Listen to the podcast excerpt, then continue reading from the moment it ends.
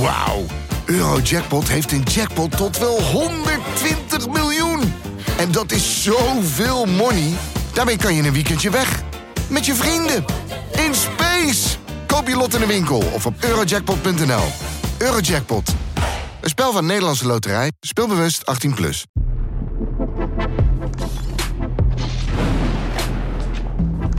Zo, goedemorgen Pieter. Welkom Goedemorgen Matthijs. bij VI ZSM op zaterdag. De day after zeggen ze dan, hè?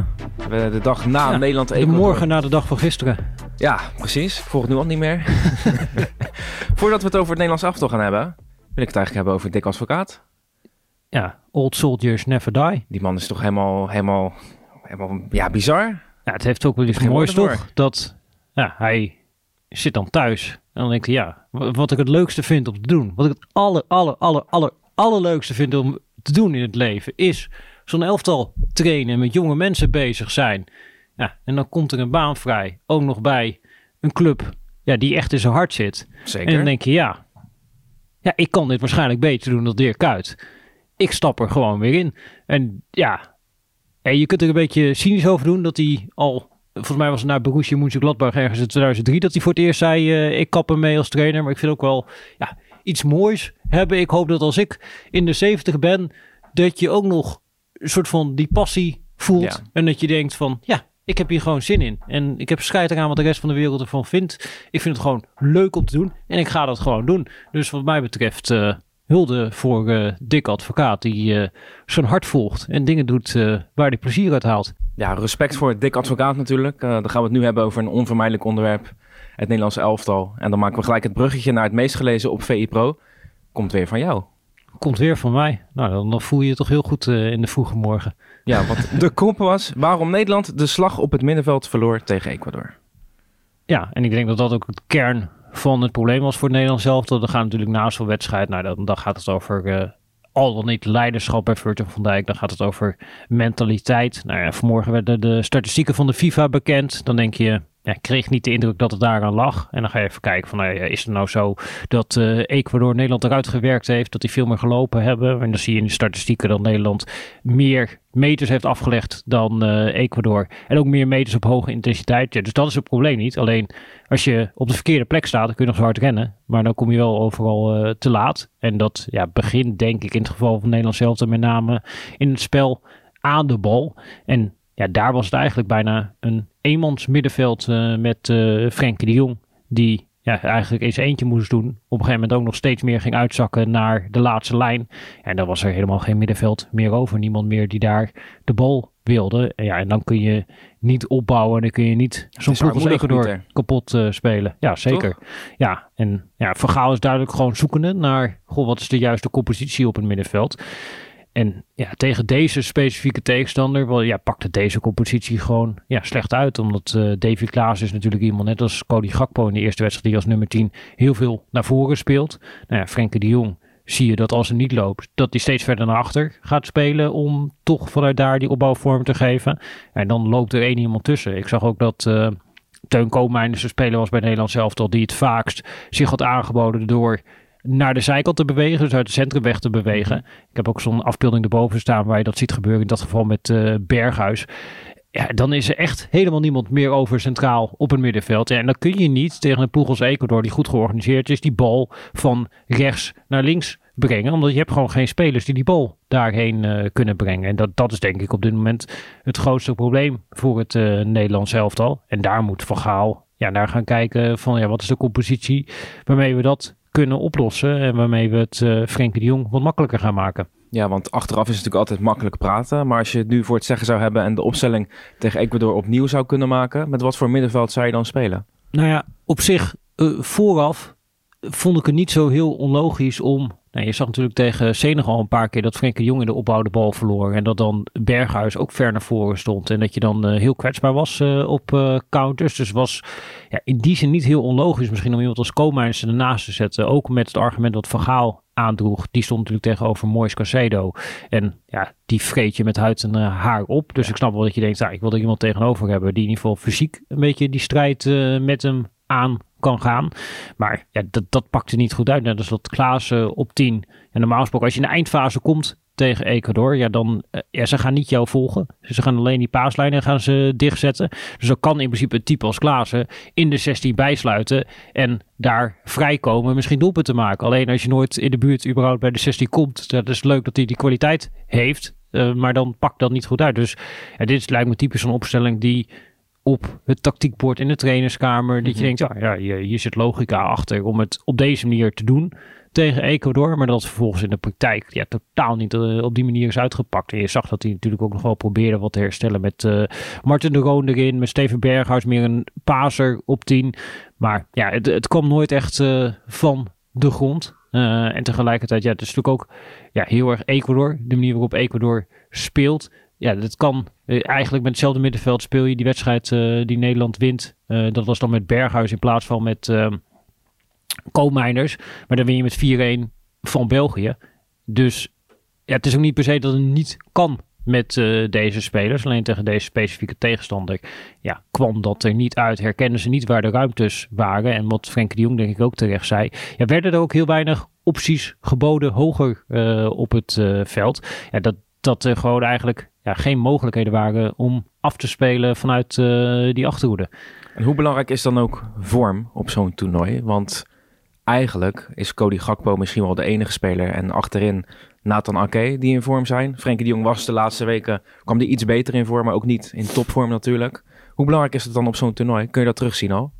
Ja, is lastig om dat uh, helemaal te pinpointen van ja, uh, vorm. Maar ja, zeker denk ik als jij het spel wil maken, dan is er wel een bepaald soort vertrouwen nodig. Uh, zeker tegen teams zeg maar, zoals Senegal en Ecuador, die als ze in de duels komen, dat je weet, oké, dat is uh, pittig. Die ook de ruimtes relatief klein maken. Ja, dan ja, moet je wel spelers hebben die zoiets hebben van, ah ja, ik heb hier drie meter ruimte. Of ik sta hier met een mannetje in mijn rug, speel me toch maar aan. En dan maken we driehoekje en dan spelen we er uh, onderuit. En ja, dat zie je inderdaad heel weinig gebeuren. Dat, maar ook je uh, aanvallen speed. Want Memphis en Bergwijn zijn to totaal niet in vorm. ik zag bij totaal niet. Memphis, die heeft 21 balcontacten gehad tegen, eh, in de tweede helft tegen Ecuador. Die heeft daarvan 11 keer de bal verspeeld. Ja, ik denk dat dat alles zegt over zijn optreden. Dat je met meer dan de helft van je balcontacten, dat jij de bal kwijtraakt. En ook Bergwijn, ja, die zat natuurlijk niet totaal zat hij er niet in. Het is niet om aan te gluren, Piet. Nee, dus dat, dat, dat is natuurlijk ja, wel een probleem. Dat zowel op het middenveld als in de voorhoede. Dat je op zoek bent naar wat zijn de juiste combinaties. Hoe gaat dat uh, plaatje in elkaar vallen? En ja, je bent twee wedstrijden onderweg. Je bent eigenlijk verder weg van de oplossing. Uh, en tegelijkertijd hoeven we denk ik niet totaal te wanhopen. Omdat ik denk dat met ja, dit systeem, die weg waar Van Gaal voor heeft gekozen, dat ja, naarmate eigenlijk de tegenstand toeneemt, dat het eigenlijk makkelijker gaat worden. Want nu speelt Nederland twee wedstrijden natuurlijk, waar je het speel moet maken tegen een fysiek sterk elftal dat gewoon de paaslijnen dicht zet. Uh, nou ja, dat hebben we met z'n allen kunnen zien. Ja, dat is niet de kwaliteit van dit uh, Nederlands elftal. Terwijl als dit Nederlands elftal tegen een België speelt, wat ook wil voetballen, wat uh, ruimtes weggeeft, dat druk wil zetten. Op een andere manier dan dat deze teams uh, het doen. Meer uh, één tegen één over het hele veld. Ja, dan kun je in één keer zien, oh, dit zit best wel voetbal in dit ja. Nederlandse elftal. Alleen, ja, zolang je tegen dit soort teams blijft spelen, ja, dan blijft het heel erg stroperig. En ben je afhankelijk van ja, een paar individuen om die wedstrijd te winnen. Het enige waar Oranje zich denk ik echt aan vast kan houden, is dat die verdedigende organisatie, dat staat gewoon goed. Dat is uh, stabiel. Je geeft heel weinig kansen weg. Die, die tegengoal die je krijgt tegen Ecuador, ja, dat is een moment wat gewoon heel slordig balverlies is van uh, Jurgen Timber. Die daar denk ik ook niet aangespeeld moet worden door Daarvoor uh, ging al heel veel fout natuurlijk. Ja, daarvoor inderdaad was het ook al chaos met uh, Andries Nopper die hem op de hoofd schoot van uh, Daily Blind. Die dat half niet door had. daarna Koma die nog wel een duel wint. Daarna is die bal in principe vrij zoals Van Gaal ook zei. Alleen dan maken ze de verkeerde keuzes in een situatie waar je misschien een keer niet naar voren moet spelen. Terwijl ze in heel veel andere situaties dat je denkt nou loop naar voren, speel naar voren. En dat er dan breed gaat. En dat je op die manier de tegenstander makkelijk maakt om zich te organiseren. Dus ja, daar, daar werden verkeerde keuzes gemaakt. En dan heb je nog dat schot op de lat. Dat kwam na een uh, inworp. Dat uh, die situatie uh, ontstaat. Maar eigenlijk ja, dus vanuit open spel. Dat, hoor. Ja, zeker een heerlijke klal. Maar echt vanuit open spel kansen creëren tegen de Nederlands zelf. Dat is, dat is Senegal eigenlijk niet of nauwelijks gelukt. En Ecuador ook niet. en dat, dat is natuurlijk wel iets ja, waar dat je... gaat aan... Qatar waarschijnlijk ook niet lukken. Dus je bent gewoon door. Ja, nou ja, die kans is inderdaad uh, groot. En dan heb je natuurlijk wel iets om je aan vast te houden. Dat je weet, ja, oké, ook als we niet goed spelen, kunnen we in ieder geval terugvallen op die verdedigende blok. Op dat verdedigende blok. Alleen, ja, het, het ziet er natuurlijk niet uit zoals we in Nederland willen dat uh, voetbal eruit ziet. Maar het is wel heel makkelijk hè, om vanuit deze stoel een beetje kritiek te leveren, Piet. Ja, dat is ook zo. Dat is ook zo. Maak een bruggetje naar het meest gelezen op uh, eh, vi.nl. Het ging natuurlijk over de ja, discussie tussen uh, Virgil van Dijk en uh, Marco van Basten eigenlijk. Die lijnrecht tegenover elkaar staan. Hè? Hoe heb jij naar gekeken? Ja, het is ja, ja, een opvallend relletje tussen Van Dijk en Van Basten. Van Dijk verweet hem ook dat hij altijd negatief is. Daarvan dacht ik, nou ja, dat vind ik geloof ik ook nog wel meevallen bij Basten. Alleen je merkt dat Van Basten die ja, legt alles naast een meetlat ongeveer gouden bal. En uh, ja, en ook een beetje, je merkt dat ook een beetje discussie is in zekere zin tussen uh, vroeger en nu. Dus vroeger dat ja, veel, als je het hebt over tactiek, speelwijze, dat heel veel werd geregeld op het veld door de spelers zelf. En Van Basten komt uit de generatie ja, waar de spelers een bespreking aan hoorden. En dachten, nou ja, we, lossen het zelf wel even op ja. in het daar heb je ook uh, types als Gullit natuurlijk, Rijkaard, Van Basten. Ja, alleen als je nou ja, gewoon die wedstrijden gaat terugkijken uit die tijd, jaren 80, jaren 90. En je ziet hoeveel tijd spelers krijgen aan de bal. Uh, hoeveel ruimtes er liggen op het veld. Ja, dan kun je het. Heb je dat ook. veel gedaan trouwens? Heb je dat uh, wel eens gedaan? Ja, ja, ik heb de hele 88, uh, die wedstrijden, de jaren 90. Ik heb heel veel heb ik teruggezien, jaren 70 ook. Is dan ruimte het grootste verschil en tempo? Of? Ja, nee, er was laatst bijvoorbeeld die documentaire Andere Tijden Sport of die golf Dennis Bergkamp. Ja, dan, zie je, dan zie je Frank de Boer. Die krijgt de bal in zijn eigen 16. Die loopt op tot aan de middenlijn. Er is helemaal niemand die hem aanvalt. Die zit ondertussen te kijken. Oh, gaat Dennis Bergkamp een loopactie maken? Dat veld is 60 meter lang. En die geeft een crosspaas op Dennis Bergkamp. Nou, het is een fantastisch doelpunt.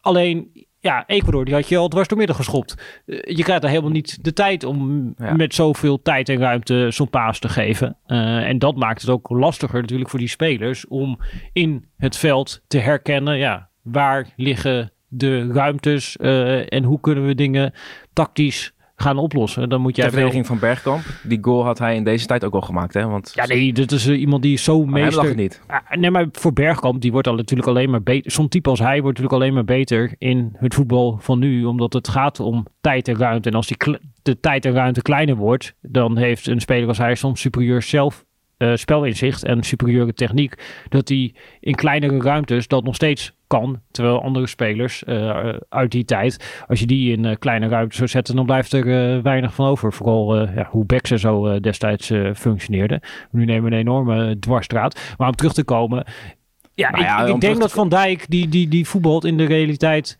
van nu, waar ja. het niet zo makkelijk is om op het veld. En het is natuurlijk iemand die, het is bekend dat hij heel veel coacht uh, op het veld. Nou, wat ik zeg, die verdedigende organisatie kun je ook weinig uh, op aanmerken. en ja, dat is, ja, dat, dat, is best wel, je kunt eigenlijk niet verwachten dat een speler daar in het tijdperk van nu even de hele boel gaat omzetten. Je kunt natuurlijk wel een bepaald initiatief nemen, maar ja, ik, ik denk dat dat verwachtingspatroon dat het onrealistisch is om dat nu erop te plakken. Ik bedoel, kun jij één speler noemen die dit WK of uh, in de vorige Champions League campagne dan in zijn eentje in één keer op het veld iets omzet uh, en dat dan zijn hele wedstrijd kantelt. Ja, dat, dat ja, gebeurt niet of nauwelijks alleen zeg maar met nou, waar je het ziet gebeuren is, nou, bij bijvoorbeeld Real Madrid, waar je zo'n middenveld hebt wat zo goed ingespeeld is met Modric, Kroos uh, en uh, Casemiro, zoals het voorheen was. Ja, dat die precies weten van elkaar ja, wat ze doen. En dan als op een gegeven moment de tegenstander op een bepaalde manier druk probeert te zetten, dat zij daar dan met z'n drie, omdat ze zo goed ingespeeld zijn, oplossingen op kunnen vinden. En dat als je dat dan vertaalt naar het Nederlands elftal, ja, er staan er iedere keer middenvelden opgesteld, ja, die misschien één, twee, drie keer met elkaar samengespeeld hebben. Je hebt natuurlijk ook weinig trainingstijd en dat is precies, denk ik, ja, wat je ervan afziet. En we hebben het gisteren in de uitzending met Suleiman uh, ook lang gehad over Spanje. En dat is natuurlijk ook het grote contrast met het middenveld van Spanje, waar ja, de drie jongens opstaan die elke dag met elkaar trainen. En precies weten van elkaar wat ze doen. En dat, dat ontbreekt er denk ik aan bij uh, dit Nederlands elftal. Ik moet gelijk denken aan de paasmap uh, porno waar het over ging hè, in ja. de uitzending. Het was een redelijk legendarische uitzending. Uh, we belden natuurlijk ook met Oranje Watcher Martijn Krabbedam vanuit Qatar. Ehm, alleen daardoor werd het al redelijk legendarisch, omdat hij zijn halve gezicht gewoon uh, besloot om niet in beeld te brengen. dus uh, ga dat vooral terugzien op YouTube, denk ik. En dan uh, wil ik jou voor nu bedanken, Piet. Yes, tot ZSM. Tot ZSM.